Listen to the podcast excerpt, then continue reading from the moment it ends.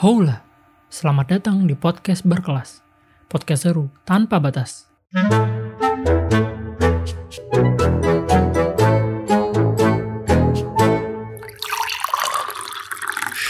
Udah, dengerin dulu aja. Sejatinya, bumi tidak patut dihidupi dengan seonggok manusia saja. Dan manusia sepatutnya harus memiliki interaksi terhadap sesamanya, bahkan ke makhluk hidup lainnya. Manusia yang memiliki sense yang baik terhadap makhluk hidup lainnya bisa dibilang memiliki kemuliaan tersendiri. Tapi, apa ia memiliki ketertarikan khusus semacam itu berkaitan dengan passion atau hanya terjebak pada kondisi yang terlanjur baik? Bersama saya Alif Ansyar dan Saya Nisma Bawazir. please welcome selamat datang Dr. Tito Suprayoga. Halo, selamat datang. Hai, sel- oh kembali. Kembali. Oke, jangan grogi dong Pak Dok. Iya, grogi nih. Sehat ya Pak Dokter. Alhamdulillah sehat. Emang yang depannya ada DR-DR-nya ini agak sulit kalau misalkan manggil namanya doang. Tapi nggak apa ya. Nggak apa-apa. Selanjutnya dipanggil Mas Tito ya. Oke. Mungkin bisa berkenalan singkat dulu Pak Dok. Oh ya. Oh, Mas Tito. Oke, eh, kenalkan nama saya Tito Suprayoga. Kebetulan saya profesi saya adalah dokter hewan yang sekarang sedang melanjutkan studi saya di Fakultas Kedokteran Hewan Universitas Gajah Mada. Menarik Oh, sih, keren, keren menarik sekali ya karena eh, dari S1-nya udah dokter hewan melanjutkan ke S2 dokter hewan tuh eh, luar biasa sekali. Kenapa sih? Kenapa eh, Mas Tito memilih jadi seorang dokter hewan? Alasan Eh sebenarnya basicnya saya berani masuk ke kedokteran hewan itu eh, karena saya sendiri itu sebenarnya orang yang suka hewan ya dalam artian eh, tertarik dengan hewan gitu. Waktu kecil mungkin saya kebiasaan eh, semacam memungut kucing kemudian dirawat dan sebagainya seperti itu. Sebenarnya hal-hal simpel seperti itu pada akhirnya eh, Mm-mm. saya pikir ah apa saya terjun ke dunia kedokteran hewannya mungkin eh, sangat luas gitu loh untuk cakupan ilmunya juga sangat luas gitu loh. Dan sebenarnya karena berangkat dari situ atau memang apa ya dulu sebutannya mungkin kita ini berbeda zaman ya untuk masuk se apa sebuah perguruan tinggi ya Hmm. kan. Dan ini juga lulusan UGM juga kan, yang di mana itu PTN juga dan itu seleksinya kan eh, lumayan berturut-turut gitu ya. susah. Dan mungkin dulu sama sekarang berbeda ya nggak nih? Di angkatan kita adanya undangan sama SBM misalkan. Kok, kok Nah, aku dulu ini- berasa tua banget ya? Enggak, ini justru malah wawasan baru nih. Dulu itu seperti apa dan Oh, apakah iya, ini iya. eh, jebak apa bukan sebuah jebak, terjebak gitu loh dalam suatu jurusan tersebut gitu kan. Dari mis- dari misalkan eh, dulu pengennya teknik apa segala macam atau farmasi Oh. atau apa, terus masuknya sini ya udah dilanjutin. Ada yang seperti itu soalnya. Ada yang karena semacam itu gitu berangkat eh, passionnya. Hmm. Kalau saya sendiri sih sebenarnya emang kan saya asa- asli saya itu dari Riau. Nah Hmm, dulu oh, Riau. Ah, ah, ketika lulus SMP saya memberanikan diri untuk ke Jogja karena ya saya pengen SMA di Jogja supaya saya bisa masuk UGM itu yang pertama. Oh, gitu. Ah, sebenarnya untuk pilihan perguruan tinggi itu saya pilihan pertama saya adalah kedokteran. Nah, nah pilihan kedua saya ini adalah kedokteran hewan gitu loh. Nah, kebetulan waktu dulu di zaman saya itu masih ada undangan dan sebagainya. Jadi eh, kebetulan alhamdulillah saya masuknya di jalur undangan tersebut. Jadi pilihan pertama saya adalah kedokteran umum dan pilihan kedua saya adalah kedokteran hewan. Tapi sebenarnya itu bukan bukan terus saya salah jurusan sih enggak sebenarnya gitu. Ya? Eh, eh, emang saya Udah basicnya sampai saat ini baru ngomongnya enggak ya? enggak, e- emang enggak. udah Oh, enggak. menikmati. emang saya oh, oh, dia emang menikmati karena ya mungkin suka hewan juga ya gitu loh. Jadinya ya eh menikmati juga gitu loh prosesnya gitu loh ya walaupun prosesnya agak susah juga karena kan kalau di kedokteran hewan itu kita belajar itu multi spesies ya gitu loh. Kalau misalnya di kedokteran umum kan manusia ya manusia aja yang dipelajari. Nah kalau di kedokteran hewan itu uh, dari satu spesies pun nanti kan ada cabangnya misalnya di uh, bagian pencernaannya itu kan setiap hewan juga beda-beda gitu loh. Hmm. Jadi kita hmm. emang uh, lebih kompleks sebenarnya untuk mempelajari itu gitu. Kompleks, kompleks ya seru, kompleks banget emang, tapi ya lebih lebih seru aja. Ya alhamdulillah uh, bisa dijalani dan udah selesai kan untuk S1-nya alhamdulillah gitu. Itu uh, Mas itu saya mau ini sih -hmm. mau tanya karena dulu saya sendiri juga salah satu pilihan di SBMPTN tuh dokter hewan pilihan oh, iya? iya pilihan ketiga. Kalau nggak salah. Oh. cuman di situ tuh terbesit sih sebenarnya mm -hmm. susah karena kalau dokter umum kan kita asesmen ke pasien cukup tanya bisa tanya gitu kan.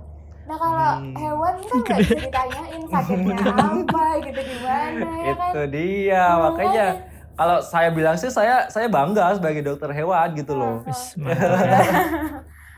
Karena ya emang untuk seorang dokter hewan itu untuk menganamnesa pasien pun ya kita emang terbatas kita nggak bisa tanya kamu sakit apa? Gitu kan nggak bisa ya. serem ya iya, bisa. kalau sampai dijawab kan gimana gitu. Makanya tuh yang paling yang ada mungkin dicakar iya. digigit yang ada gitu. Sebenarnya itu sih challenge-nya juga tapi ya seru alhamdulillah selalu ngejalaninya gitu loh gitu iya sih karena kalau dipikir juga kalau dokter mm -hmm. umum cuman ya udah manusia organnya satu kayak yang tadi Mas Tito bilang kalau mm -hmm. hewan yeah. kan variatif banget ya ikan ada ikan lele ikan lohan ikan apa segala iya benar itu apa ini itu... berapa banyak spesies Mas Ya kalau basicnya aja sebenarnya kan ada aves, ada reptil, kemudian ada uh, mamalia. Sebenarnya kan basicnya itu gitu loh. Nah antar antar itu kan mungkin uh, pembagian organ pencernaan dan sebagainya atau organ pernafasan itu ya mungkin pembelajarannya itu lebih ke umum dulu. Nanti baru mungkin ketika kita mau praktek nanti baru ada pengkhususan kita mau jatuhnya ke mana mau ke hewan apa gitu. Biasanya gitu. Kalau untuk profesi dokter hewan itu sebenarnya kalau di Indonesia sendiri itu belum ada spesialisasinya gitu loh. Jadi cuma berdasarkan hmm, uh, hmm. minat spesial interestnya di mana. Cuman itu kan belum terdaftar sebagai lisens kan. Jadinya ya uh, dokter ini terkenal sebagai uh, menggeluti di bidang ini gitu loh. Tapi itu nggak ada SP titik-titik apa gitu. Oh spesialisnya gitu ya? Uh, uh, belum ada kalau di Indonesia gitu. Hmm ini dari tadi ngomongin spesies jadi ingat biologi ya? kan. iya, Maksudnya emang, ingat emang basicnya biologi bro kalau di kedokteran hewan gitu loh. Jadi kalau kalau iya. dokter hewan ditanyain tentang perhitungan rumus apa pun lah udah apa itu udah gak ingat pokoknya. Paling kita tahu-tahunya ngitung uh, dosis itu udah paling maksimal itu. Ya. Iya. Berarti apa ya tadi uh, sempat mendengar juga ya kalau misalkan di uh, kedokteran hewan itu mm -hmm. ada spesiesnya tadi ya kalau mm -hmm. mau diambil mm -hmm. dan nggak soalnya saya berpikiran tuh semuanya dipelajari dan menjadi seorang dokter hewan untuk segala-gala emang untuk segala-segala spesies emang gimana gimana uh, emang kalau dokter hewan itu kayak kompetensinya itu uji kompetensi untuk sebagai seorang dokter hewan tuh ya semua spesies harus dikuasai gitu loh. Oh. Cuma nanti jatuhnya ketika dia udah bekerja, dia tahu dia uh, minatnya ketertarikannya di mana mungkin baru dari situ dia uh, menggeluti dunia itu gitu loh bidang itu kalau dari studinya emang semua kita harus lulus kompetensi dari hmm, hmm. mempelajari dari mamalia dari aves itu kita semua harus lulus kompetensi gitu loh tapi oh. untuk misalkan ya -hmm. uh, kalau teknik misalkan ada teknik elektro ya kan -hmm. teknik sistem tenaga -hmm. misalkan sama kontrol nah ini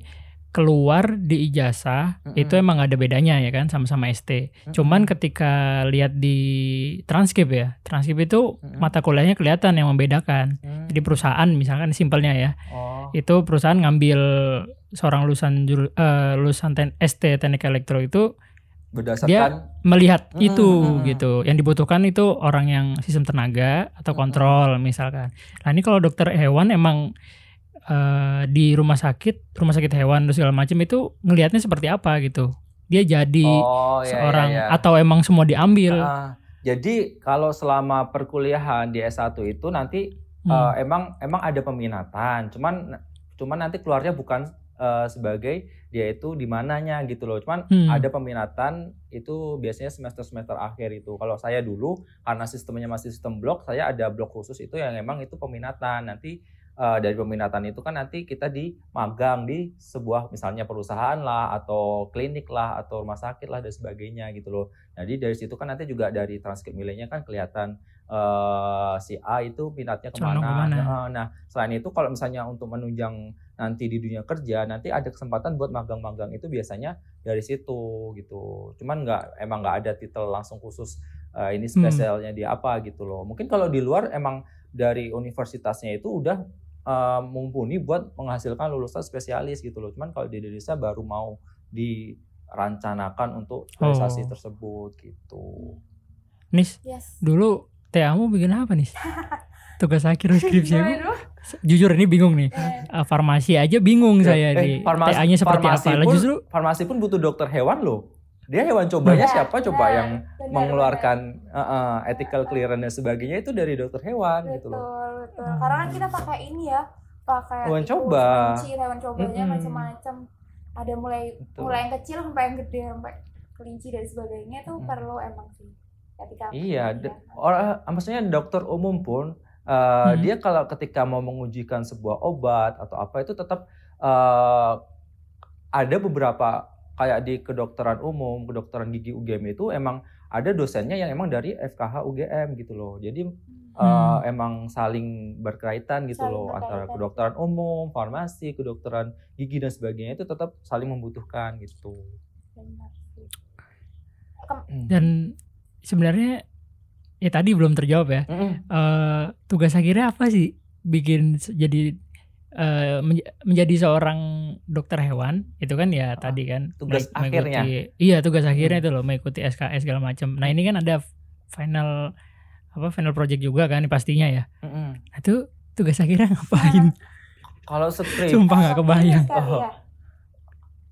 gimana? Ya ini sama gimana?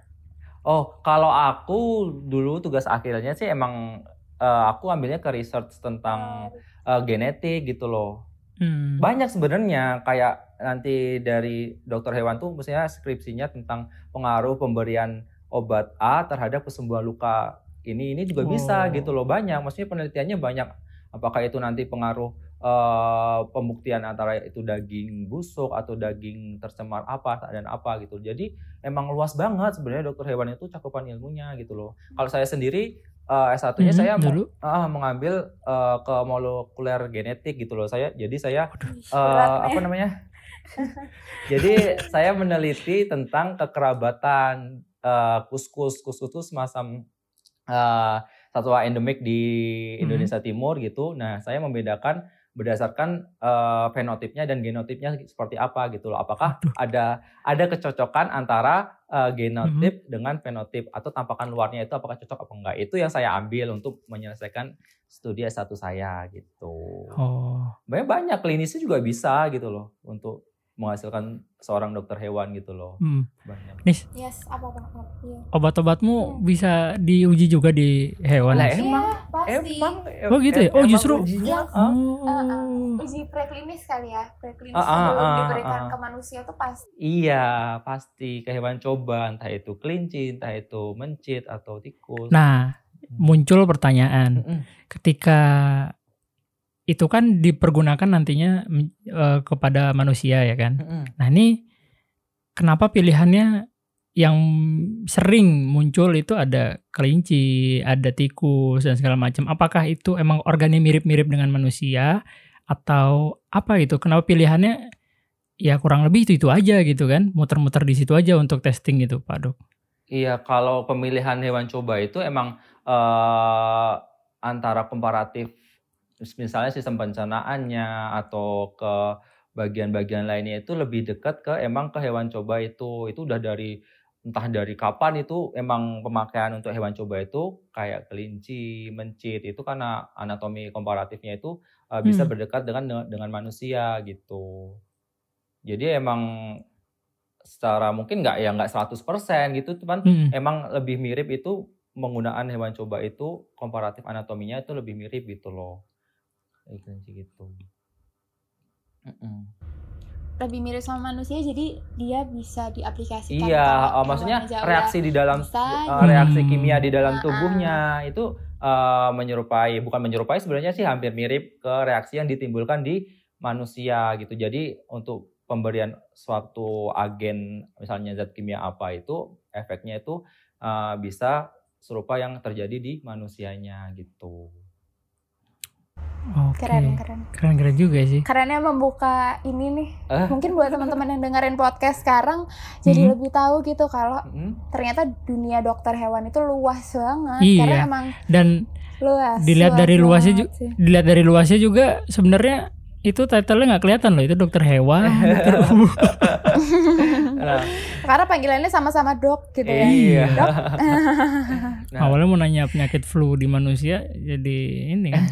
Jadi luas banget kalau misalnya dokter hewan itu ya mungkin yang selama ini diketahui mungkin ya kayak praktisi misalnya seseorang punya pet animal gitu kan pasti dia tahu tahu oh dokter hewan ada dokter hewan Nah, Iya. cuman kalau orang-orang awam awam tuh apakah tahu gitu loh dokter hewan tuh ngapain kerjanya gitu kan mereka juga hmm, betul. ngapain gitu loh nah itu sebenarnya sih yang eh, sampai saat ini tuh ya mungkin di masyarakat masyarakat awam itu dokter hewan itu memang belum kelihatan gitu loh perannya tapi sebenarnya eh, untuk menghidangkan eh, misalnya daging yang kita konsumsi itu kan harus ada eh, pemeriksaan dari dokter hewan gitu loh prosesnya gitu nah Oh iya. Makanya untuk dokter hewan tuh dari dia misalnya nih eh, ada sapi import nih dari Australia misalnya. Hmm, Nah bisa iya. masuk ke Indonesia kalau nggak ada dokter hewannya mana bisa masuk gitu loh. Untuk yang eh, Oh. memberikan eh, izin atau surat ini Oh, layak baru untuk masuk ini kan emang dokter hewan. Jadi ya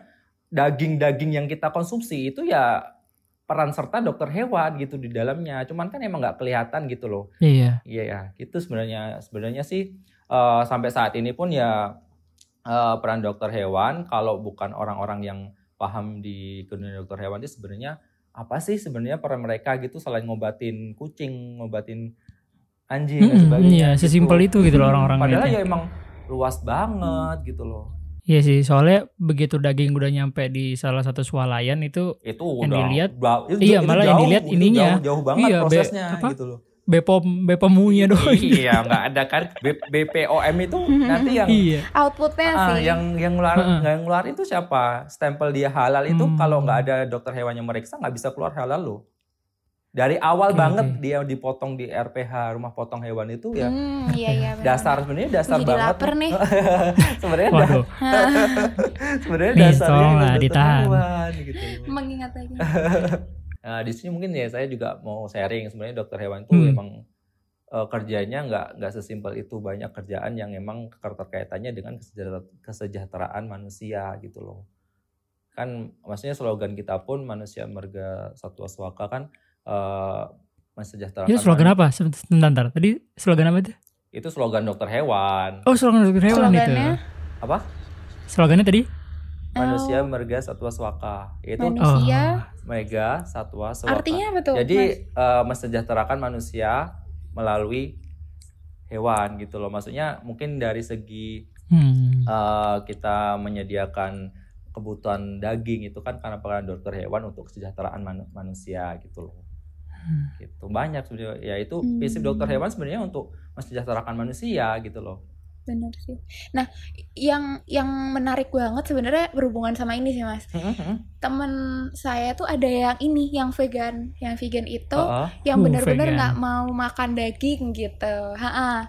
Dengan a- dengan alasan latar belakang karena eh, kasihan sama hewan gitu. Nah, Hmm. gimana sih tanggapan dokter hewan mengenai hal-hal kayak gini? kasihan itu sebenarnya dia kasihan tuh karena Hmm. apanya gitu loh. Apakah dia pernah mengalami sesuatu eh, di masa lalunya tentang hewan atau gimana? Apa nggak tega aja gitu loh. Sebenarnya kan kalau dari hewan sendiri kan ada hewan yang benar-benar itu untuk konsumsi gitu loh. Jadi kayak misalnya untuk hewan konsumsi ya kayak ternak gitu. Maksudnya dari kelinci pun yang dia bisa sebagai hewan peliharaan juga bisa juga sebagai hewan konsumsi juga gitu loh. Karena ada tipe-tipe hewan tertentu yang emang itu dikhususkan buat pedaging gitu loh. Hmm, hmm, hmm. Mm, Jadi emang hewan pun ya kalau penggunaannya itu sesuai dengan Emang Ah, ada ah, emang Hmm. ada emang ada itu kayak hewan sesuai porsinya masing-masing gitu ya sebenarnya. Cuman kan sekarang kita mungkin Dari dihadapkan sama Hmm. kekerasan terhadap hewan, konflik-konflik terhadap hewan. Sebenarnya kan itu sebenarnya yang kita hadapi sekarang. Makanya mungkin eh, banyak sti- eh, stigma negatif gitu loh tentang hewan dan sebagainya. Hmm. Jadi kalau it, eh, tadi tuh Mm. kalau stigma negatif mengenai vegan itu kan jadi gini loh teman Hmm. teman teman tuh bilang gini eh, jangan makan hewan deh soalnya ntar kita sama aja membunuh hewan-hewan yang ada di muka bumi sama aja kita merusak ekosistem bumi gitu loh. Wah ini Nah bener nggak sih Luar sebenarnya? biasa nih. Iya, mungkin dia melihatnya mungkin dari perburuan kayak hewan-hewan Iya. liar seperti itu yang diambil Nah, gadingnya nah, dan seperti itu. Cuman kan kalau kayak sih. kayak daging sapi lah, apa ayam itu kan Hmm. emang mereka diciptakan pun untuk eh, konsumsi. Dikonsumsi, gitu. iya. Hmm. Ya mungkin karena kejadian-kejadian tadi yang menyebabkan dia mungkin jadi nggak tega buat mengkonsumsi daging yang berasal dari hewan gitu loh. dia Iya. keseringan konsumsi National Geographic nih. Iya, Iya, ya, ya kan banyak banyak banget berita tentang pembunuhan harimau lah, diambil Hmm, hmm. kulitnya lah, dag- eh, gajah Oh, diambil oh, oh. gadingnya lah dan sebagainya gitu loh. ular Hmm. tas ular Iya. gitu ya Sebenarnya kan Iya. konflik itu terjadi karena manusia juga, manusia juga gitu loh. Hmm, Man- iya. manusia itu iya. yang menurut saya habitat dari satwa liar itu kan sebenarnya kan udah ada porsinya masing-masing gitu loh. Cuma kan manusia kan namanya manusia pengen pengen naruri menguasainya pembukaan hutan yang untuk lahan pertanian dan sebagainya. Jadi ya mau nggak mau mereka ya terpaksa mencari kebutuhan mereka untuk hidup ya harus keluar dari habitat Hmm. mereka gitu. Nah di situ mungkin terjadi benturan-benturan gitu loh. Iya sih. Heeh. Cuman Sebenarnya- oh ini iya. Pak Dok, Hmm, ada satu pertanyaan nyelenting juga nih. apa tuh? Yang dari dulu sempet sebenarnya ya lumayan penasaran cuman belum ada yang bisa jawab dan memuaskan jawabannya. gimana Mana gimana? tahu nih Siapa Mas Tito tahu nih saya mantap nih bisa kan. kan. Iya. Satu pertanyaan dan ini mungkin eh eh tapi jangan dikait-kaitan lah ya. Iya, ada lah, sebisa ada kaitannya ya. dengan agama cuman jangan dikaitkan. ah, ah. eh kenapa kita tuh dilarang makan babi yang Mm-mm. pertama. Dan yang sub ini ya, sub eh, pertanyaannya itu justru ah. katanya babi memiliki kemiripan organ dengan manusia. Mm-mm. Katanya seperti itu. Makanya bisa dibilang eh ya dilarang itu untuk memakan itu. Dan selain itu dia makan ini juga kan, makan sampah juga lah. Itu oke lah, saya nerima. Cuman katanya ada yang bilang, Mm-mm. ini masih katanya ya, mungkin bisa dibenarkan juga. Mm-mm. Itu babi, eh sorry itu saya ya, sorry. Babi itu organnya itu mirip manusia. Itu salah satu alasan kenapa kita Mm-mm. melarang makan babi. Itu benar apa enggak? Kalau dari segi organ sih, iya emang emang ada kemiripan ya, namanya juga Hmm. sistem misalnya kayak sistem pencernaan dan sebagainya. Hmm. Cuman eh, sebenarnya itu kemiripan itu lebih ke genetiknya itu emang Oh, ada genetik. eh, dekat dengan manusia. Jadi kalau misalnya dianalisa genetik itu emang eh, antara babi sama manusia tuh ada kedekatan genetiknya. Nah, kalau sebenarnya kalau itu di tidak dilarang untuk dikonsumsi, Hmm. itu kan emang ya bener tadi karena mungkin babi itu sebenarnya kan hewan yang jorok ya. Mohon maaf ini Mm-mm. sebenarnya kan hewan yang jorok. Hmm. Beda sama sapi, beda sama kambing itu. Kalau sapi kambing itu dia makan ha- rumput. Rumput pun itu yang rumput yang nggak dia ijak gitu loh. Jadi dia makan rumput yang benar-benar dia bersih gitu loh. Nah, beda lagi kalau babi. Kalau babi kan konsumsinya itu emang eh, kebanyakan itu di oleh peternak itu diberi limbah dapur gitu loh. Nah, untuk dari segi penyakit pun eh, di babi itu banyak banget penyakit itu yang eh, dapat menular ke manusia. Makanya Hmm. sebenarnya lara- larangan dari segi agama mungkin ya terhadap konsumsi dari daging babi itu ya karena eh, mudaratnya itu lebih tinggi dibandingkan manfaatnya Oke. gitu loh. Itu. Tapi itu secara behaviornya si babi tersendiri ya. Kalau tadi yang secara genetika juga dibenarkan atau Itu sebenarnya udah ada risetnya, tapi saya nggak nggak Hmm. nggak apal ya Nggak- risetnya di jurnal iya, apa iya. oh, gitu. Saya pernah Oke, baca oke. juga itu memang ada kedekatan genetik antara si babi sama si manusia gitu loh. Makanya eh ya itu banyak yang jadi perdebatan juga seperti itu. daging babi kalau misalkan Hmm. digoreng ya, apa direbus atau sampai titik didih itu emang nggak mati ya ini ya Pak Dok ya? Eh, untuk apa sih namanya? agen Zat- agen penyakitnya atau apanya? Iya. Sebenarnya kan eh setiap agen penyakit itu ada eh, ketahanan terhadap suhu lah, terhadap Hmm. desinfektan dan sebagainya. Itu. Nah, saya saya sendiri tidak apal karena Hmm. eh, saya tidak tidak mendalami di bidang Bagian situ, ah, oke. ah. Jadi emang untuk agen infeksi di semua hewan pun ada yang dia tahan di 100 derajat, ada yang mati itu 70 derajat gitu. Cuman kalau Hmm. misalnya sebenarnya sih kan masing-masing itu kan ada pedoman untuk eh, penanganan daging itu ada gitu loh. Misalnya untuk penyakit A itu harus diapakan, penyakit B harus diapakan gitu ada Hmm. sebenarnya. Harusnya itu gitu. Oke oke. Cuman kayaknya terlalu luas ya. Luas Luas banget ini banget. makanya jadi waduh. Tapi emang harus berangkat dari ini nih sih, dari apa ya? Cita-cita dari kecil ya, dari passion ya.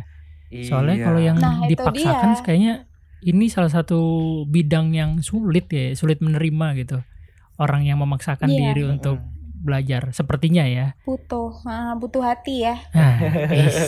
aduh gimana nih iya iya iya ini eh dengar-dengar Mas Tito ini lagi ambil S2 ya Iya, sekarang ke- kebetulan lagi lagi lan- lanjut S2, ini lagi ma- masuk semester 2 ini.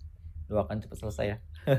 amin amin semangat semangat di tengah pandemi Oh gitu iya. ya Wah ini Tetap sum- semangat. eh, iya, ngefek nggak sih Mas Waduh, ngefek banget sebenarnya. Ngefek Oh, ya. Untuk penelitian juga nggak tahu harus bagaimana. Untuk Hmm. kuliah-kuliah juga jadi online kayak gini kan nggak maksimal. Karena, karena kan dok, misalnya untuk dokter hewan sendiri untuk pendidikan profesi atau koasnya kan emang kita butuh hands on gitu loh. Jadi nggak bisa Benar, kalau hanya sekedar teori dan kuliah secara online gitu nggak bisa. virtual virtual nggak bisa bisa. lah ya.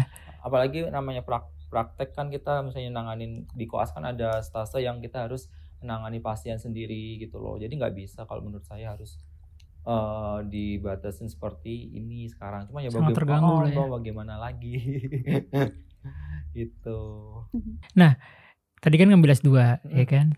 Dan tadi juga di awal sebenarnya udah nyinggung nih Mm-mm. pertanyaannya justru nanya eh, jurusan di S2-nya ini masih sama ya dengan S1 ya. iya Cuman fokusannya seperti apa? Tadi kan sepertinya eh, dari masuk dokter hewan itu eh kedokteran hewan itu udah luas. Terus Hmm. ambil salah satu apa namanya eh dipelajari semua. Terus kemudian TA lebih spesifik. Mm-mm. Nah, ketika S2 ini sama sekali ya, saya nggak Mm-mm. pernah membayangkan gitu eh, nama-nama jurusan atau nama-nama peminatan di S2 ini Uh-uh. di kedokteran hewan itu seperti apa gitu. Ngambil bagian apa lagi dan ketika diaplikasikan ya dalam Mm-mm. eh, dunia, Dunia. praktiknya heeh, di mana di rumah sakit Mm-mm. atau justru malah kalau misalkan sudah S2 itu baru bisa buka praktik sendiri dan license segala macam itu kira-kira berpeluang apa enggak? Oke. Nah, kalau untuk di S2 ini sebe- sebenarnya ada uh, peminatan pasti ada ya karena udah lebih spesifik gitu loh. Nah, biasanya orang-orang yang S2 di kedokteran hewan itu uh, mereka menyesuaikan. Biasanya tuh orang-orang yang sudah pernah bekerja dan mereka tahu Hmm. mereka itu uh, passionnya di mana, mereka itu minatnya di mana baru ketika ada peluang baru mereka melanjutkan untuk memperdalam ilmu di bidang itu gitu loh. Nah, kebanyakan juga ada uh, yang di angkatan saya ini emang orang-orang dari eh, kayak kementerian gitu. Jadi mereka udah emang udah diarahkan mau ke mananya gitu loh. Nah kalau dari saya sendiri karena saya S1-nya itu lebih ke molekuler ya saya S2-nya itu ngambil yang ke molekuler lagi. Nah sebenarnya tujuan saya untuk S2 ini kan saya mau mengajar eh sebagai dosen insya Allah kalau Nah, kalau Ini tadi kalau Ini tadi sudah ditahan-tahan nih. kalau bisa gitu kalau ada rezekinya makanya Amin. Nah, Amin. gitu sebenarnya untuk S2 ini ya eh, target saya emang eh, dosen gitu. Cuma sebenarnya saya saya sendiri kalau secara peminatan saya lebih ke praktisi, praktisi hewan kecil kayak eh, anjing kucing itu itu dunia saya sebenarnya gitu loh. Karena saya sempat bekerja di Jakarta juga satu tahun di praktisi itu di klinik gitu. Hmm. Berarti ketahuan ya nih ya. Tujuannya berarti emang dokter. tujuannya nah Beda Iya. soalnya tadi sempat ceritain ke ini ya kan teman-teman di S2-nya ternyata kementerian udah jelas lah itu Pak ya. Eh, kebanyakan mereka udah punya basic gitu loh. Kalau saya kan Nah, kalau saya sebenarnya kalau mau ngikutin passion saya atau passion saya di kedok- kedokteran hewan ya harusnya saya ngambilnya di praktisi gitu. Hmm. Cuman ada beberapa alasan yang emang saya eh, mau tujuan akhir saya ya untuk mendaftar dosen itu gitu. Tapi Hmm. sebenarnya kalau misalkan membuka praktek apa sih ini beberapa praktek atau praktek sih ah, praktek ya itu Hmm. harus ada minimum apa ya degree atau Hmm. harus ngambil certification A B C Profesi kan? ah, profesi Oh, segala macam Oh, itu iya, iya, ada iya. nggak sih? Kalau untuk praktek ya, praktek kan nanti masuknya itu bidangnya di praktisi. Praktisi itu bisa praktisi hewan besar, bisa praktisi hewan kecil. Nah, itu sebenarnya untuk membuka praktek itu cukup sebagai eh, dokter hewan. Kita ketika kita udah jadi DRH nih dokter hewan, nanti kita ngurus eh, sertifikat kompetensi, eh, kita ngurus kartu anggota dan kita mendaftarkan diri sebagai anggota PDHI cabang. Nanti kita bisa PDHI. Heeh, nanti kita bisa mengeluarkan surat izin praktek SIP kita nanti keluar. Sebenarnya prinsipnya hampir sama dengan dokter umum gitu prosesnya untuk mendirikan sebuah eh, praktisi atau prak, tempat praktek kita harus punya surat izin prakteknya dulu. Nggak perlu kita harus S2 nggak perlu gitu. Kalau untuk Hmm. hampir hampir sama kayak apoteker juga iya, Mas, ya, kurang lebih sama. Apoteker juga ada surat izinnya kan? Iya benar-benar. Makanya ini lagi ambil ini lagi ambil profesi Oke, doakan cepat mantap. selesai Iya. teman-teman. iya. Iya sih. Oke, Lus. Gitu ya ternyata ya. Arahnya ini udah kelihatan ya. Pathnya tuh jadi ternyata gitu ya. Sangat Iya. tertata. iya. Kayak dari.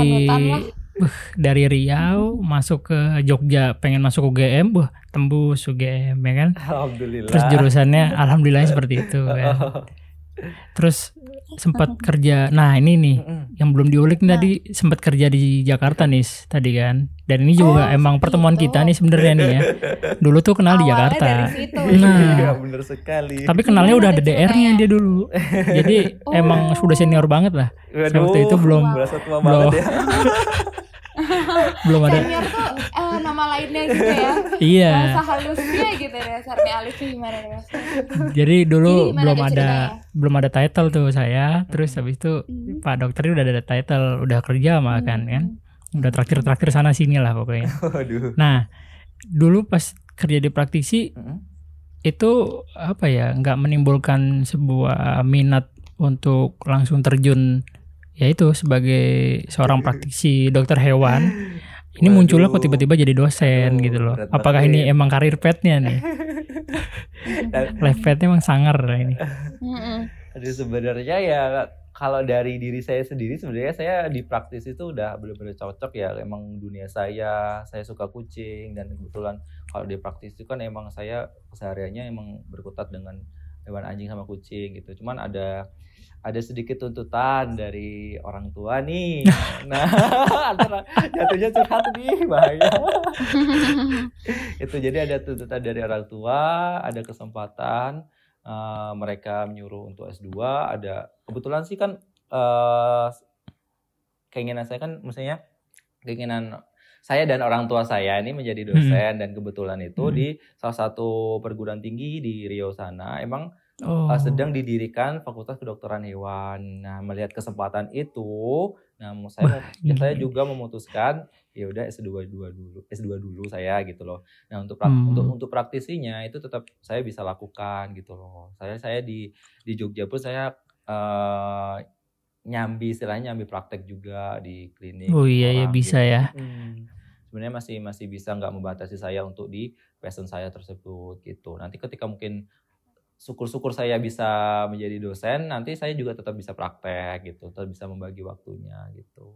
oh iya Tuh, Sebenarnya itu alasan Lebih orang eh, sih. karena ada dorongan Hmm. dari orang tua juga, selagi mereka masih ada juga mungkin eh, kenapa enggak gitu loh. Hmm. Itu sebenarnya. Ya sempat sempat bergejolak juga sih di situ sih sebenarnya sih. Cuman ya udah lah gitu. Sebenarnya kalau untuk tapi di- tadi Oh, oh, kalau hmm, untuk, untuk untuk di Jakarta kan emang udah bagus ya untuk dari segi mencari ilmu karena orang-orang Jakarta itu ketika memiliki hewan mereka menganggap sebagai keluarganya. Jadi untuk totalitas hmm, iya iya benar menyayangi, merawat itu emang bagus gitu loh. Jadi sebagai dokter hewan pun saya juga merasa dibutuhkan gitu loh. Nah, beda kasus ketika mungkin di daerah atau di tempat-tempat lain gitu. Emang untuk tingkat kepemilikan menyayangi hewannya itu masih belum Kurang ya? optimal Mm, gitu. Begitu ceritanya. begitu Berarti tadi kalau bisa dilihat dengan kacamata yang agak besar ya, Mm-mm. di kacamata umum itu sebenarnya dua-duanya dapet ya berarti ya bisa ya. Iya, kalau Jadi seorang praktisi bisa, Mm-mm. dosen bisa gitu kan. bisa banget itu loh. Maksudnya kalau untuk eh, misalnya dosen nih nanti kan Gejolaknya nggak terlalu tinggi lah ya Hmm. pas begitu kamu jadi dosen ya. ya nggak nggak menja- ya? nggak nggak terus memutuskan Hmm, iya, passion iya. tuh enggak. Makanya saya Enggak ya. masih enak. masih masih berani mengambil keputusan ini gitu. Soalnya emang sulit kalau misalkan uh, bertolak belakang Wah ya. itu itu sebenarnya sus- susah banget Iya sih bertolak Makanya. belakang dan harus memutuskan apalagi Salah ada satu. oh ada kaitannya Hmm. sama keluarga itu emang sebenarnya susah banget cuman kan Benar-benar. di sini saya beruntungnya masih bisa buat Dua-duanya. oh, dua-duanya jalanin masih bisa gitu. Oke oke. Ini emang spesialis banget lah pokoknya. Penjelasannya tuh beda sama orang yang Iya, pernah juga. belajar, ya kan? Kalau misalkan kalau kata ini nih Rocky Gerung nih, itu emang ijazah Wah. itu adalah salah satu tanda bahwa pernah belajar. Nah, Oh, keilmuan tanda. adalah tanda orang itu selalu belajar dan mengajarkannya, katanya seperti itu katanya. Setuju Jadi, sih. Oh, emang- setuju sih. Ya ijazah nggak inilah, nggak emang nggak bisa nipu gitu, kan. Maksudnya, ya Dan emang penjelasan gitu. orang ini nggak bisa nipu juga kalau dia emang belajar dan menekuninya gitu. Soalnya emang ada Benar. yang ketika udah lulus ya ker- ya kerja di bagian yang bukan diinginkan dia. Diinginkan dia maksudnya bukan yang terpental ya. Jadi dia nggak bisa di sini akhirnya jadi kayak gitu nggak. Yang benar-benar ketika lulus wah udah gue Iya. nggak mau di sini eh, maunya di hal yang lain lah ya. Hmm. Entah, jadi, entah jadi bagian-bagian yang lain gitu. Soalnya emang sangat ya miris juga sih emang Kalau- ketika iya. nggak dipakai gitu. Kalau saya sih sebisa mungkin selama saya masih bisa bergelut di dunia saya ya ya emang saya usahakan di dunia saya gitu loh. Walaupun Hmm. ya maksudnya banyak tantangan yang harus kami sebagai dokter hewan hadapi gitu loh. Oke. Nah, Iya Nah, sih karena Hmm. nah betul karena emang di semua eh, apa tuh profesi gitu ya mm, akan ada tantangannya berbeda-beda gitu. Iyalah pasti itu. Pasti Iya itu. Iya. kan bener jadi jadi lebih baik kita maksimalin aja sih itu itu tapi tergantung lagi pendapat masing-masing Hmm. insan manusia gitu ya. Ya maksudnya sebe- sebenarnya Bener. kita sebagai manusia pun bakal dilihat orang ketika kita punya kelebihan di bidang kita masing-masing gitu loh. Betul, Uh, betul. kita betul. kita uh, bisanya di bidang apa selama itu ditekunin ya kita bakal terlihat di mata orang lain gitu loh jangan kita berusaha Hmm. menekuni bidang orang lain tapi itu bukan passion kita sebenarnya itu Nah, salah itu. banget gitu. Ini belum closing udah kata mutiara loh. Oh, Iya. bukan tiara. itu ya saya dapat ya mungkin selama perkuliahan lah atau selama saya kenal Oh, teman-teman semua ya merasakan itu. ya. mereka yang punya passion mereka tekuni ya mereka berhasil di situ gitu loh Hmm. itu beda lagi kalau cuman sekedar bisa hidup itu beda lagi Beda ya. Ah, Betul. gitu Oke oke. Nah ini juga menyelenting dikit nih.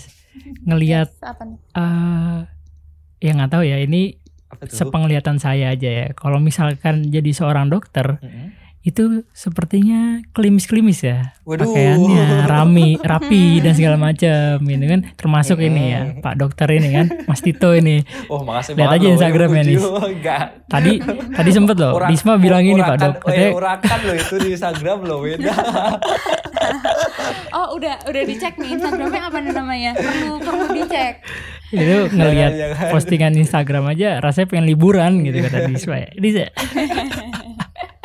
Dis? Bener-bener deh melihat beningnya Jogja gitu ya. mengedemat. Nah ini kembali Fashion- lagi Fashion emang planner apa gimana? ah itu loh. Bisa semua nggak semua hal di dikuasain sama Mas Tito nih. Kita dapat apanya Liv ya? Makanya. Dokter iya. Terus travel travel iya. Enggak gitu. sebenarnya Iya kan? sebenarnya kalau Iya. kalau di sosial media itu ya sebenarnya untuk pengalihan ketika bosen sih sebenarnya sih. Hmm. Cuman ketika saya eh, sekarang ini pun saya juga udah kurang banget untuk aktivitas di sosial media. Sebenarnya kan saya Oke. bermain sosial media itu bukan sebagai eh, jalan saya buat hidup sebenarnya enggak sih. Saya Hmm. cuman di situ pengen nyari eh, teman, pengen nyari Hmm, relasi dan pastinya. sebagainya. Heeh, tetap saya Hmm. sebagai dokter hewan ya saya kerjanya di dokter hewan. Saya nggak mau mencampuri eh, bidang mereka gitu loh. Ya walaupun eh, dari situ saya juga alhamdulillah dapat rezeki ya, Hmm, tapi itu bukan bukan bidang saya gitu. Oke. Yang saya tekuni tetap dokter hewan gitu. Emang dilihat dari Instagramnya sih ini nggak kelihatan dokter hewannya sebenarnya kalau Iya jangan jangan dilihat namanya. Kalau namanya emang Coba- ada DR-nya coba, gitu. Coba nggak ada DR aja ya. Mungkin mungkin orang kenal saya wah ini orang orang apa Oh Instagramer orang nih. Instagramer gitu ya. nih. Iya, gitu. Dan mungkin ada sih ini satu postingan doang kalau nggak salah ada whiskas berantakan itu loh. Ada fotonya Mana lagi ngasih makan kucing. Oh. Di mana itu ya? Oke. Oke, yang terakhir dari sini ya Mm-mm. pertanyaan kita. Ya. Terakhir. Menurut Pak Dokter atau Mas Tito ya, Mm-mm. organisasi semacam apa sih BWF atau yang untuk Mm-mm. eh, konservasi. tahu kan ya BWF BWF itu biasanya suka ini sih. Dulu kalau di Surabaya keluar dari stasiun Pasar Turi itu suka ada yang minta ini nih tanda tangan tanda tangan Mm-mm. apa eh, quote bukan quotation apa sih Eh, semacam petisi-petisi itu loh untuk Hmm, ya. oh ya kan untuk Hmm. apa penjagaan terhadap hewan-hewan atau Mm-mm. eh, satwa-satwa yang langka gitu kan Mm. termasuk salah satunya mungkin yang lebih sederhana di Jakarta ada namanya pencinta kucing Iya. di Malang pun ada kafe yang isinya kucing doang ya kan Mm. nah sebagainya itu sebenarnya perlu ada nggak ya di Indonesia karena secara naluri Mm-mm. hewan tersebut tuh mi- memiliki daya tahan tersendiri gitu loh. Cara bertahan hidup yang baik pastinya ya kan. Karena dia bisa hidup ya bulan sampai tahun ya. Lihat dari kucing-kucing tuh nggak diapa-apain juga dia beranak sendiri. Iya. eh, terus habis itu dia berkembang sendiri dan Mm-mm. mungkin ada yang letal, mungkin yang mati karena Seleksi emang alam tidak gitu ya. seleksi alam dan ada yang hidup sampai survive gitu kan. Kita tidak memperhatikannya secara spesifik atau istilahnya memanjakannya ya. Kalau kucing kan dikasih makan whiskas segala macam itu kan istilahnya dijajakin sama kita ya di sini. Iya. Kasih Iya, makan whiskas, ngasih apa ikan eh, salmon, tuna dan segala macam Hmm. itu kan rasanya kayak kita nyuapin dia gitu buat bisa menyambung hidup. Dan mereka pun sebenarnya tanpa itu bisa hidup. Jadi, Mm-mm. Mm, jadi wadah semacam ya tadi ya pecinta kucing dan segala macam tuh salah satunya emang ada yang bilang eh, visinya tuh emang ini eh, melestarikan kucing-kucing ya beberapa spesies kucing tadi gitu yang nggak ada di Indonesia sebenarnya atau ya kurang lebih seperti itu. Nah, itu sebenarnya perlu nggak sih? Sebenarnya kalau saya kayak pecinta kucing itu sih kebanyakan emang mereka itu yang peduli terhadap kucing, peduli dalam artian ya mereka mengambil kucing-kucing misalnya dari jalanan itu ya bukan sekedar cuma dipelihara, mereka juga Hmm. eh, membantu mensterilkan mereka. Karena apa? Karena ketika kucing-kucing itu berada di jalanan, of- eh, akan terjadi overpopulasi nantinya gitu loh. Ketika populasi mereka nggak dibatasi, nggak Oh, dicegah, gitu. nah itu kan nanti bisa menimbulkan permasalahan-permasalahan baru lagi. Jadi kebanyakan kayak organisasi pecinta kucing atau eh, teman-teman yang eh, cinta terhadap hewan itu ya salah satunya mereka itu selain mereka uh, merawat hewan-hewan tersebut dan mereka membantu untuk mengurangi de, atau depopulasi bukan de, de- bukan di depopulasi sebenarnya mensterilkan lebih tepatnya. Nah itu menurut saya sih uh, berguna banget gitu. Selain itu kan uh, ketika mungkin ada nih orang-orang yang kurang bertanggung jawab gitu menyiksa hewan dan sebagainya mungkin karena ada pecinta hewan ini mereka bisa membantu seperti mempidanakan orang-orang yang tidak bertanggung jawab seperti itu. Kan mereka memperjuangkan itu sebenarnya gitu. Hmm. karena ba- banyak banget kayak di Jakarta itu banyak banget yang emang mereka eh, mengumpulkan kucing-kucing dari jalanan dan habis itu dibawa ke klinik untuk disterilkan. Makanya mereka juga butuh dana itu sebenarnya untuk eh, personel mereka juga dan untuk mensterilkan kucing-kucing itu juga sebenarnya gitu loh cuman ada juga nih oknum-oknum tertentu yang emang mereka mengatasnamakan pecinta hewan tapi ya ujung-ujungnya malah mereka mensensarakan hewannya gitu duitnya mereka gunakan sendiri itu sebenarnya itu yang saya tidak setuju gitu loh. Cuman kalau yang pure untuk pencinta hewan ya saya sebagai dokter hewan ya mendukung mereka juga gitu. Mm-mm.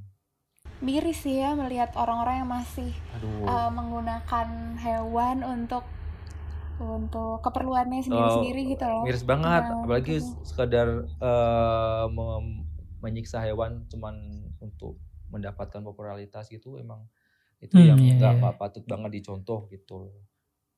Itu.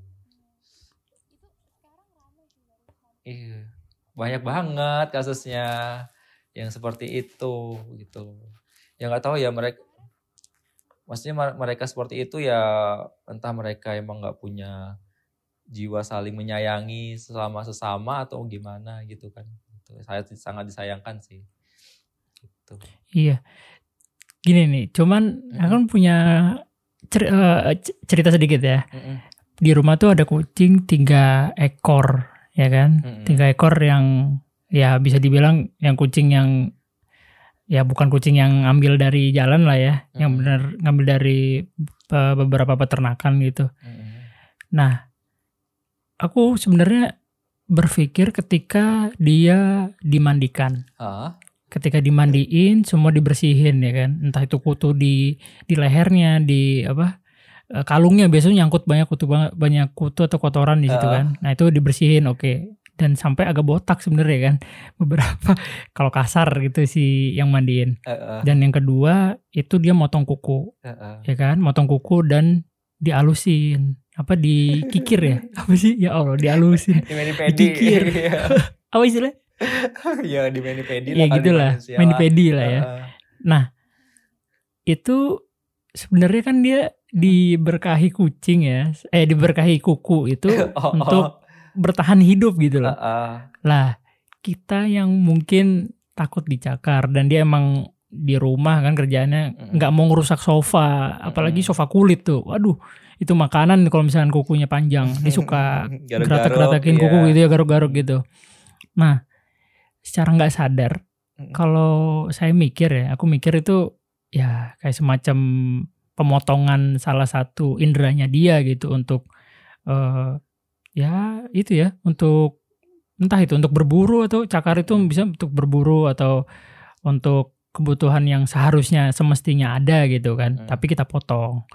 Terus yang kedua, ketika sebenarnya kucing di komplek tuh ada grup kucing, Pak Dok. Mm-mm. Mas Tito ada grup kucing itu setiap sore dia keluar mulu apa keluar ngeluarin kucingnya Mm. jadi dari blok aku terus Heeh. sebelahnya sebelahnya segala macam tuh ngeluarin cuman emang ada beberapa yang spesiesnya kayak spesies yang garang apa gimana gitu Heeh. ketika ini dikeluarin yang lain takut itu mereka Eh, kayak main kun ge- atau apa gitu gathering saya gitu atau gimana ya gitu nggak tahu ya saya bingung nih ibu-ibu atau oh atau mbak-mbak dekat tapi maksudnya dikeluarin tuh kayak bareng gitu. Iya. ownernya kan iya bareng ownernya Hmm. Dikeluarin gitu kan nah itu ada yang seperti itu terus Nah, terus ada juga saya ngelihat satu eh, kucing di tetangga itu Hmm. yang awalnya garang, beringas segala macem. Cuman tiba-tiba dia loyo. Ternyata pas diusut-usut dia disterilkan. Hmm. Nah, disterilkan ini kayaknya salah satu bisa disebut pelanggaran nggak sih untuk eh, mengambil salah satu organnya dan ini loh jadi tindakan sebuah kejahatan kriminal terhadap kucing nggak sebenarnya kayak gitu gitu salah satunya yang tadi kan eh, motong kuku terus yang Ya. kedua eh, ngambil organnya salah satu gitu loh supaya emang menahan selain menahan populasi ini eh, kalau punya norma keprikucingan atau keprihewanan itu seperti apa kira-kira berat ya Dari kucing gitu ya. Gimana gimana tuh? soalnya bener loh beda banget behavior kucing yang Betul. steril sama enggak Iya. Jadi sebenarnya kalau untuk uh, prinsip memelihara hewan itu kan dasarnya itu kan kita harus memperhatikan uh, lima kebebasan hewan itu untuk hidup gitu loh atau dikenal dengan Hmm. five freedom kalau di dunia kedokteran hewan itu sebenarnya basic uh, agar tercipta animal welfare itu seperti apa. Nah jadi uh, kalau semisal kayak contohnya potong kuku lah atau cukur bulu itu kan uh, suatu hal yang tidak menimbulkan sakit atau apa cedera bagi hewannya itu Iya. masih masih diperbolehkan gitu loh. Dulu dulu waktu berapa dekade dulu itu ada aktivitas kayak potong telinga, potong ekor. Itu Wih, kayak untuk serem. oh, untuk anjing-anjing kayak pitbull gitu ada yang istilahnya potong telinga itu itu dulu diperbolehkan dan sekarang karena ada animal welfare, nah, eh, yang harus kita perhatikan itu tidak boleh. Cuman kalau sebatas potong Hmm. kuku, untuk cukur bulu itu kan untuk emang Iya. tidak menimbulkan mudarat yang lebih pada hewan Iya. tersebut gitu loh. Nah untuk kalau untuk steril itu kan sebenarnya kan manfaat steril kan banyak ya. Walaupun Hmm. dari segi kita membatasin dia buat beranak dan sebagainya. Cuman kan lagi-lagi kalau misalnya untuk pesterilan itu kan selain kita membatasi populasi supaya tidak overpopulasi juga, nah menjadikan si hewan itu emang temperamen temperamennya itu lebih lebih jinak gitu loh. Kalau untuk untuk- untuk kucing atau anjing yang dewa, eh, jantan itu biasanya Mhm. kan ada aktivitas spraying atau penandaan wilayah gitu loh ketika mungkin Us. hormonal pengaruh kan kita mengambil organ reproduksi reproduksi itu kan supaya hormonalnya itu lebih stabil gitu loh jadi kan ada Hmm. beberapa hormonal yang itu emang eh, dominan kayak di jantan apa di betina apa yang itu menyebabkan dia perilakunya seperti apa gitu loh jadi eh, emang ada beberapa yang tidak setuju dengan itu dan ada ada pihak yang setuju dengan itu cuman itu sampai sekarang pun itu masih diperdebatkan gitu Oh. kalau dari saya sendiri sih eh, selama itu tujuannya baik itu ya oke gitu itu tidak apa-apa gitu loh Oke oke gitu. oke. Melihara kucing nggak nih di rumah? Enggak sih. Enggak ada nih kucing. Karena memang males ribet gitu. Melihara baik, ular ya. itu nggak ribet masih makanya seminggu sekali Buset, Ular kita yang dimakan ntar ya bahaya tuh. Aduh.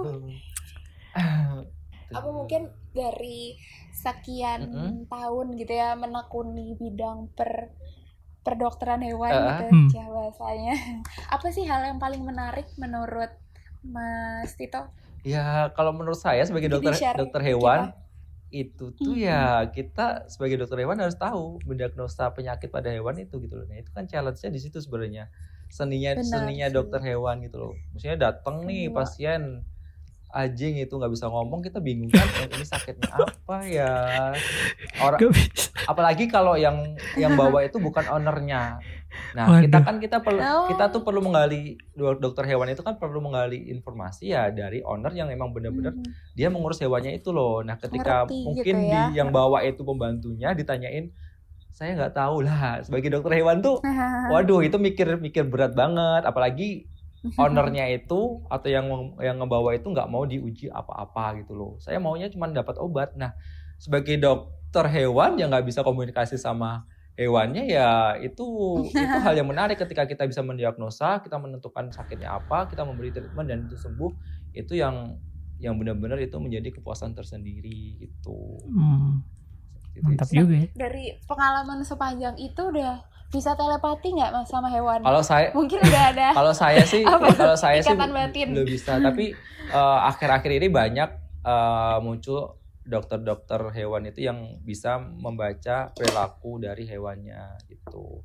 Jadi dari perilaku hewan itu bisa diketahui problemnya di mana gitu loh. Ada beberapa dari luar dan dari Indonesia tuh ada yang beberapa yang mereka mendalami untuk komunikasi dengan si hewan itu. Kalau saya sih masih masih jauh banget ilmunya baru superficial banget gitu. Butuh waktu bertahun-tahun sebenarnya untuk seperti itu ya Harus mungkin benar-benar hidup oh, sama kalau- hewan tersebut ya. iya kalau sekarang ya mungkin mendiagnosa penyakit ya eh, dengan gejala yang sama itu ya mungkin Gejala, lebih uh-uh. lebih bisa mengkerucutkan diagnosa kita gitu Oke. gitu Iya serunya sih. Emang di rumah tuh Seru nggak tahu sih. nih, bapak backgroundnya udah bukan ini, bukan apa, Ah, ah. bukan dokter hewan. Tiba-tiba dia kalau bangun tidur terus eh, si kucing salah satu ini nyakar ke kakinya, dia minta makan, katanya gitu. eh tahu ya Saya nggak paham. itu ya, pelajar mungkin, dari. ya mungkin itu mempelajari kebiasaan-kebiasaan yang dilatih Oh, gitu. Karena kan hewan kan dia punya punya cara untuk meng- me- Hmm. memperkenalkan ke tuannya seperti apa gitu Tuannya. Nah, ownernya pun sebisa mungkin melatih dengan hal-hal yang positif gitu. Makanya untuk hewan-hewan yang bisa dilatih itu sangat bagus banget untuk melatih kebiasaan-kebiasaan baik gitu loh. Itu. Ya emang itu ilmu-ilmu yang harus dipelajari kayak misalnya penyakit Hmm, penyakit A itu gejalanya di sini ya ketika ada hewan yang datang dengan gejala itu ya kita bisa oh kemungkinannya di sini nih penyakitnya gitu. Cuman kalau untuk Oke. komunikasi Mungkin- langsung belum bisa. hmm. Telepati gitu. Insting-insting itu kayak bakal datang dengan apa ya seringnya gitu kali ya pengalaman iya, akan mengajarkan itu semua sekali. gitu kali ya tetap, dok tetap itu pengalaman itu sangat berharga.